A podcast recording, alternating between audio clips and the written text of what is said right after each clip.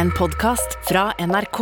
De nyeste episodene hører du først i appen NRK Radio. Ja, jeg tenker jo at Hvis vi starter bare med åpen dusj, og så etterpå kan vi kanskje lukke igjen, og så kan du gni rumpa og puppene mot det glasset.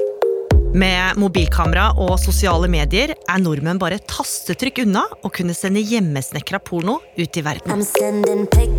Picture, I'ma get you fired. Og det er det mange som gjør. I make over $20,000 a month on OnlyFans. I'm getting paid doing what turns me on. Men sånn har det ikke alltid vært. For de siste tiåra har Norge gått gjennom en pornorevolusjon uten like. vil jeg kalle det en pornografibølge. Eh, Det er mange som, som gjør det.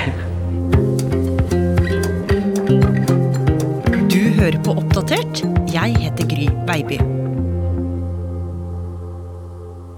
Altså, porno er jo noe helt annet eh, i dag enn da jeg vokste opp. Da var det jo sånn eh, etter skolen, eh, hvis man ble med noen kompiser hjem da, som hadde funnet noen raffe greier som de ville sjokkere eh, oss jentene med, så gikk man liksom inn på på PC-rommet til foreldrene deres og, og venta på at det skulle liksom last, laste opp så man kunne se noe.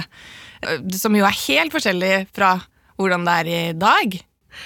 Emilie Teige Skrattegård, du er 31 år og er programleder i en ny NRK-serie som heter Porno 2022. Og sånn som du forteller, så Da du vokste opp på 2000-tallet, så måtte man jo aktivt oppsøke pornoen om man ville se det. Nå er det helt annerledes, for nå tyter pornoen nærmest ut overalt gjennom helt vanlige sosiale medier. Og det er det mildt sagt delte meninger om. Ja, når det kommer til porno, så har det alltid vært veldig steile fronter, eh, og det er det fortsatt. Noen mener jo at denne nye utviklingen eh, egentlig er et ledd i frigjøring, og at det er liksom, burde være hurrastemning og full pupp rundt dette, mens andre tviholder på dette som eh, handler mer om sånn at porno er ødeleggende, eh, og at det derfor burde forbys, da. Og det at vi har kommet dit vi er i dag, er jo nesten utrolig med tanke på at det hele starta med noen ganske så uskyldige bilder i etterkrigstida.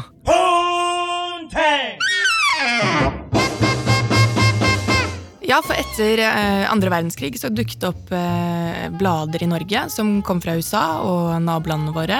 Eh, og i disse mannebladene, kan man jo kalle det, som Playboy og Alle menn, så kunne man ofte lese om raske biler og mysterier. Eh, og så kunne man i tillegg se noen bilder av noen pinup-modeller, da.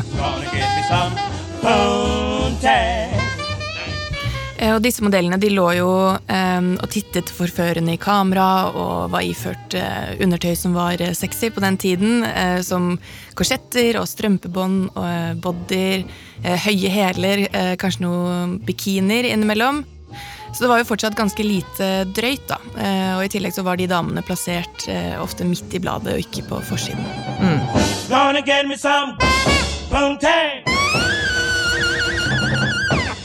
Og det var jo noen som kasta seg over de nye bladene med mykporno og pinup-modeller, men det var alt annet enn stuereint. For på denne tida så var det strengt regulert, og det var lite som slapp gjennom sensuren. Men til tross for det så begynte porno og erotikk sakte, men sikkert å spre seg i samfunnet. Og på 50-tallet nådde det også litteraturen, med en bok som skulle sende sjokkbølger gjennom landet. Han løftet hodet og streifet hennes ene bryst med sin nese. Jeg har ventet så lenge, sa han. Hun tok hans hode og lot ham finne sin munn. Hun var så varm, han følte det som om han sank i henne. Da ga forfatteren Agnar Mykle ut boka 'Sangen om den røde rubin'. Og her kunne han lese om studenten Ask Bulefots seksuelle erobringer. Og det at en norsk forfatter skrev om å ha samleie bakfra og på bordkanten, og beskrev også hvordan en vagina både lukta og smakte, altså det vakte enormt med oppsikt. For mange mente at boka var altfor drøy, og at det var mer porno enn litteratur. Så med det ble boka politianmeldt for å være pornografi. Sakens aktor, høyesterettsadvokat Erra Rikeles, som skal bevise at sangen om den røde rubin rammes av straffeloven. I retten vil det ta tre hele dager å lese opp boka. Uansett utfallet vil dommen gå inn i vår kulturhistorie. Til slutt havna saken for retten, og der ble det konkludert med at boka ikke bare skulle fjernes fra bokhandlerne, den ble også forbudt. Men Emilie, folk mista jo ikke lysten av den grunn. Nei, historien viser jo at det som oppleves som forbudt, kanskje oppleves også ekstra spennende. Eh, og de myke pornobladene var jo fremdeles å få kjøpt på øverste hylle eh, på Narvesen, bare skjult bak en sånn svart sensurhylle. Eh, og utover 60- og 70-tallet så ble det jo drøyere. Først forsvant eh, bh-ene, og etter hvert også undertøyet på modellene i de norske bladene. Og bak bladene med avkledde damer sto det en ganske karakteristisk mann med pilotbriller, ulvepelskåpe og store gullsmykker. Jeg så at det var store muligheter i pornografi. I begynnelsen så var det en veldig god fortjenestemargin på det. da. Hva gjør du på fritiden? Ser du eh, pornofilm? Nei, ikke i det hele tatt. Enten er man i grunnen på byens restauranter, eller så har man noen vakre damer hjemme. Og den konstant eh, solbrune pornopioneren, han het Leif Hagen. Også kjent som Pornohagen. Ja, han var jo en eh, fyr som hadde en småkriminell bakgrunn, eh, og sa at han gikk inn i bransjen for å tjene raske penger, da. Og Hagen grunnla bladet som het Aktuell rapport, som ble kjent for bilder av lettkledde damer. Ja, Men ikke bare det, for i dette bladet så reklamerte han også for pornofilmer. Og disse filmene kunne folk kjøpe av ham via posten. Men filmer som viste sexscener, det hadde lenge vært for hard kost for myndighetene. Alle de uheldige ting som dette kan utløse, og gale ting, straffbare ting osv., som også er involvert i dette, det har uheldige virkninger på ungdommen.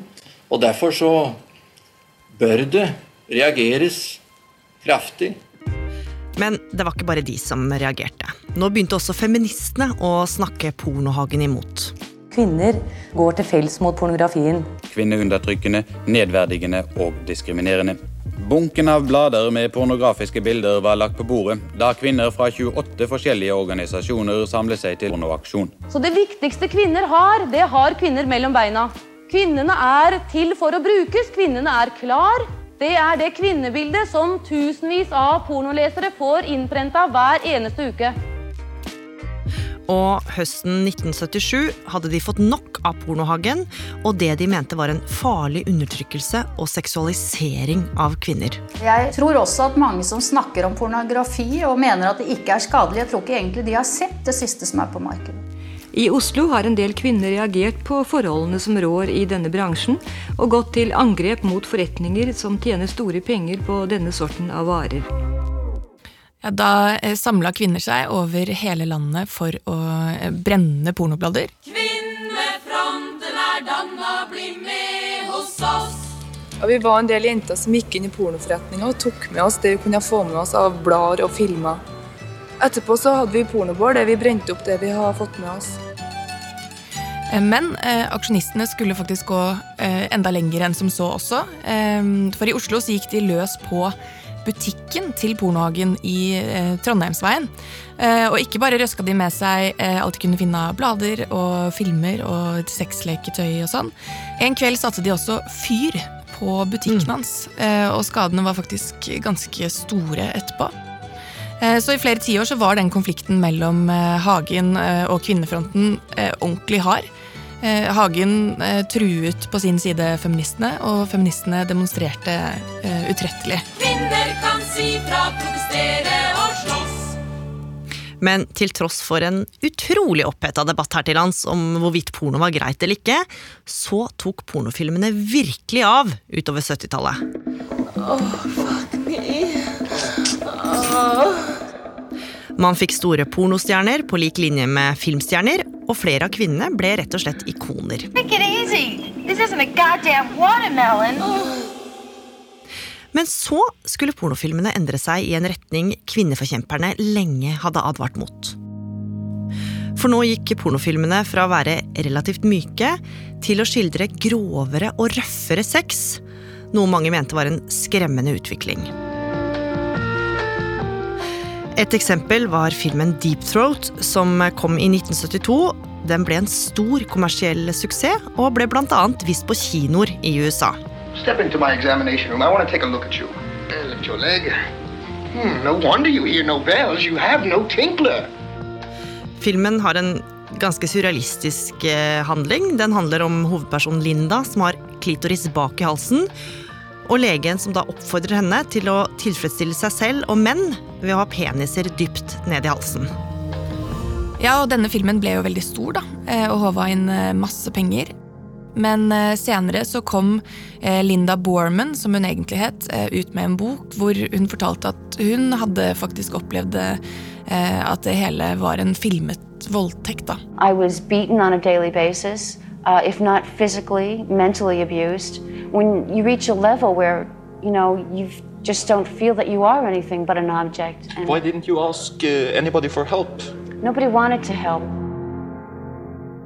Filmen må allikevel ha satt sine spor, for den ble bare starten på en langt grovere pornotrend. Playboy, the magazine that gives you a monthly ticket to the best of the good life. Men eh, pornorevolusjonen den hadde kanskje bare så vidt begynt. For kort tid etter at internett ble allemannseie i 93, så pornoen seg aldri tilbake. It spans the globe like a superhighway. It is called internet. Det gjelder det som heter internett, nettsurfing, en helt ny verden for alle som besitter en datamaskin. In any community of 20 million people, there's there's bound to be a red light district. So it's it's something that has to be expected. Utover 90- og 2000-tallet dukka det opp flere nettsider som bare inneholdt eh, porno, og folk de klikka seg inn som gærne. Og ganske kjapt fantes det et hav av nettsteder hvor folk kunne se porno helt gratis, når de ville, så mye de ville. Ja, for snart var veldig, veldig mye av nettet porno. Eh, Og med det så oppsto det en ny uoffisiell internettregel, nemlig Rule 34. Hvis det eksisterer, så finnes det porno av det. Ingen unntak. Som egentlig går ut på at uh, populærkulturen er det som råder. Og kan du tenke deg det, så skal det finnes porno av det. Fra smurfeporno til Matrix-porno til uh, bondage og BDSM, som etter hvert skulle vise seg å ta helt av. Men i 2007 kom en nettside som skulle bli større enn alle andre. Ja, for da ble den kanadiske nettsiden Pornhub lansert, eh, som var en ganske enkel nettside, som var et kartotek av videoer. Eh, som var ganske oversiktlig og kanskje kunne minne litt om eh, YouTube. Og her inne så eh, florerte det av porno av eh, alle slag. Fra de skikkelig proffe produksjonene til eh, rene amatørvideoer. Eh, og alt imellom, som man kanskje ikke helt skjønte hva var. Eh, og ikke minst så var jo alt gratis og tilgjengelig. Men eh, Pornhub ønsket seg mer enn bare denne populariteten. De ville ikke bare være en side for porno, men ta steget videre for å bli en merkevare. Og det kunne virke som at eh, taktikken funka, eh, fordi etter hvert begynte Pornhub å selge sokker og krus og klær med Pornhub-logoen på. Eh, og rundt omkring i Norge så kunne man eh, plutselig se tenåringsgutter eh, gå rundt i svarte hettegensere med Pornhubs eh, typiske, velkjente hvite og oransje logo. Skikkelig stil, altså. Så Pornhub kom inn i de tusen hjem på flere måter. Og i 2018 så gikk den første Pornhub Awards av stabelen, hvor de hylla folka bak pornoen. You're such a fucking hoe. I love it. Og fra en scene i Los Angeles kunne man se kvinner i ekstravagante gallakjoler med bare bryster som holdt takketaler. Hello, everyone. Welcome to the first ever Pornhub Awards. Og Kanye West som opptrådte. I'm a sick fuck. I like a quick fuck. I'm a sick fuck. I like a quick fuck. Så med andre ord så kunne det virke som at Pornhub var blitt ganske stuereint. Men så begynte det å dukke opp saker i media som fortalte en ganske annen historie. Ja, fordi det var jo sånn at eh, egentlig hvem som helst kunne legge ut eh, videoer på Pornhub. Eh, og en dag så dukket det opp flere videoer som viste en eh, 15 år gammel jente fra Florida som moren hadde meldt savnet. Og på disse videoene så skal datteren trolig ha blitt voldtatt. Og flere lignende historier begynte også å rulle opp i pressen, som da for alvor satte Pornhub i den offentlige gapestokken. Many videos posted on adult website depicted child sexual abuse. We should also stand up to corporations that systematically exploit children. With Pornhub, we have Jeffrey Epstein, times 1000. Og i desember 2020 så sa det pang. Eh, For da eh, var det flere mindreårige jenter i en artikkel i New York Times som fortalte hvordan eh, videoer av at de hadde sex, hadde blitt lagt ut uten deres samtykke. Og med det så begynte Mastercard og Visa, faktisk, eh, fordi de eh, funket som betalingsløsningene på plussinnholdet inne på Pornhub, eh, med en granskning av dem. Og selv om Pornhub sa at de skulle rydde opp, og at de ikke kom til å tillate innhold uten samtykke eller som viste barn, så førte det store nyhetstrykket til at Pornhub ble nødt til å gjøre noe fort. Over natta, midt i adventstiden i desember 2020, eh, så eh, gikk Pornhub faktisk fra å ha 13 millioner videoer til kun 4 millioner videoer på nettsiden. Eh, Og med det så var det også bare lov til å laste opp videoer hvor man kunne bevise at alle var med frivillig. Men mens de store plattformene sleit med både omdømme og med å rydde opp, og pandemien la seg som et lokk over hele verden, skulle en ny aktør nok en gang velte om på hele industrien. Nemlig Onlyfans. Og med det ble porno langt vanligere å lage sjøl, og det tok ikke lang tid før både influensere og 18-åringer over hele landet kasta seg på. Hvordan betaler du for husleia di? Det gjør jeg ved å dele bilder og videoer av kroppen min. På internett? Ja. Hvis du er på en sånn portal, du vet jo hvor lett det er å bli lokka inn til å gjøre drøyere ting. Det gjør jeg jo ikke. Så du får egentlig betalt for å være en eskorte, da, for å snakke med For å være en eskorte. Folk sender meg meldinger og betaler for å sende meg meldinger. Og det syns du er greit? Ja. Onlyfans er en eh, plattform hvor man eh, ganske enkelt kan ta betalt for eh, bilder eller annet innhold ved å lage seg en profil hvor folk kan abonnere på det du legger ut, eller betale for enkeltbilder, og til og med også da bestille spesifikke videoer eller bilder fra spesifikke personer som de da følger. Cardi B has become the latest and biggest celebrity to join OnlyFans, the wildly popular subscription platform that is famous for featuring lewd content of your favorite influencers and celebs. Og mens eh, store kjendiser som Cardi B tjener millioner på dette, eh, så er det jo veldig, veldig, veldig mange små kontoer som tjener bare noen eh, hundrelapper.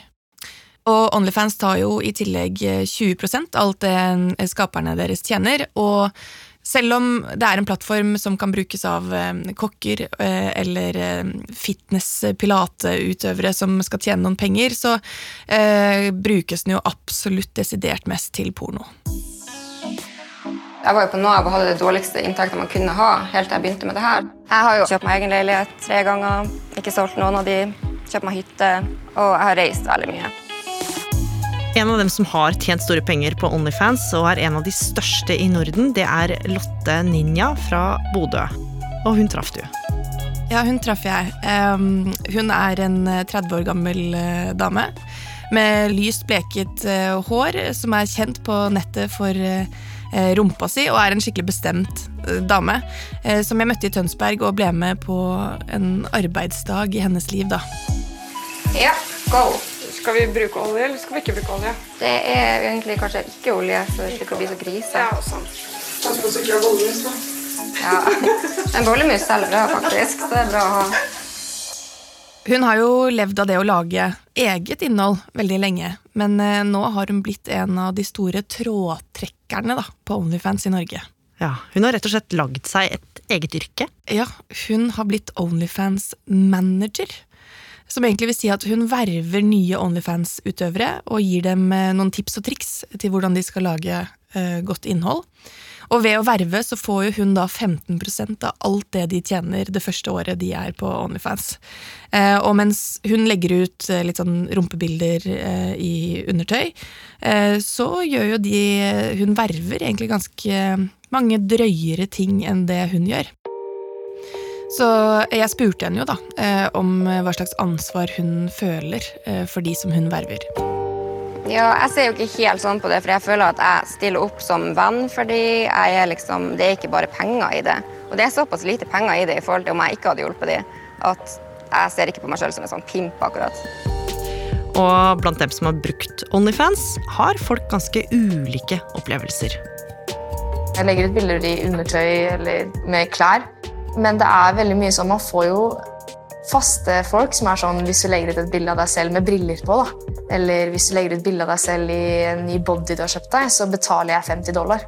Jeg syns det på en måte nesten bare kan være litt gøy at man eh, deler kroppen sin, og sånn er det. Jeg startet med det fordi at jeg trengte penger. Jeg trengte penger til å betale for leien. Altså, det koster jo å ha barn. da. De ber om å få se dine private deler. Det må, det må skje noe hele tida for at du skal beholde subscriberne dine. I begynnelsen så bare lo jeg av det, men jeg begynte å føle meg litt som et kjøttstykke. Jeg sto i dusjen og skulle ta sjampo i håret, og så ser jeg ned på kroppen min og jeg tenker fuck, hva er det du gjør? Du selger kroppen din for hva, et par dollar? Jeg fikk en sånn hvor jeg følte meg ekkel. Det siste vi hørte her, var lest av en skuespiller, men erfaringa er fra en som ønska å være anonym. Og Emilie, du møtte jo disse folka. Ja, det er et ganske stort eh, spenn blant de eh, unge som jeg har snakket med, som har skaffet seg Onlyfans. Eh, det er jo ganske mange som lager seg en profil her før de har rukket å tenke gjennom hva grensene deres egentlig er, og ender opp med å angre ganske kraftig i ettertid. For mens eh, Onlyfans markedsføres som en, en, plattform det kanskje er lett å tjene skikkelig store penger på, så er det litt et eh, kaninhull for mange. Eh, man tjener kanskje noen gode hundrelapper i begynnelsen, men veldig raskt så begynner mange abonnenter å forvente mer og mer personlig innhold fra deg, og kanskje også drøyere og drøyere og drøyere. Og Onlyfans og kjente personer som lager innhold der, har fått kritikk fra flere hold, og da spesielt for markedsføring av seksuelt innhold retta mot ungdommer. Ja, eh, og i desember i fjor så tok det norske forbrukertilsynet tak i nettopp dette her, da. Og de sendte advarsel til 14 eh, norske influensere eh, som brukte Onlyfans. Hvor de fikk eh, beskjed om at det var strengt ulovlig å bruke sosiale medier til å markedsføre for seksuelt innhold om de hadde mindreårige følgere. Og Instagram for eksempel, har jo en aldersgrense på bare 13 år. Eh, så på den ene siden så er det mange som kritiserer Onlyfans for at eh, de normaliserer og kanskje glorifiserer litt også det å lage porno. Men på den andre siden så er, får den jo også mye lovord, da, som en plattform som tar makt fra produsentene og putter det inn i hendene til eh, de faktiske utøverne. Nå har vi hørt eh, hvordan pornoen har utvikla seg fra forholdsvis ganske uskyldige manneblader til at filmene kom på banen og eh, ble drøyere utover 80- og 90-tallet, til selve internett kom og slukte nesten hele bransjen. Men denne revolusjonen du snakka om, som skjer nå foran øya på oss, hva er status på den? Det er jo sinnssykt vanskelig å si, da, men jeg tror liksom at mitt bud er at pornoen bare blir eh, mer og mer og mer personlig. Tettere og tettere og tettere. Eh, på en måte Hva gjelder liksom VR-porno, eller sånn full body experience-porno, hvor du får på deg en runkemaskin og VR-briller, eller hvor eh, du betaler en kvinne i Øst-Europa for å, å, være kjæresten din. Eh, vi søker veldig, veldig nærhet nå, da, som henger egentlig sammen med måten alle andre medier utvikler seg på. Men jeg tenker jo en veldig viktig ting å huske på er jo at trykkemakta eh, over hva slags porno som blir laget ut fra hva folk trykker på, er jo veldig stor. Eh, og det tenker jeg jo egentlig er et håp, da. For da hvis hver æra liksom får den eh, pornoen de fortjener, så tenker jo jeg at vi fortjener en god porno.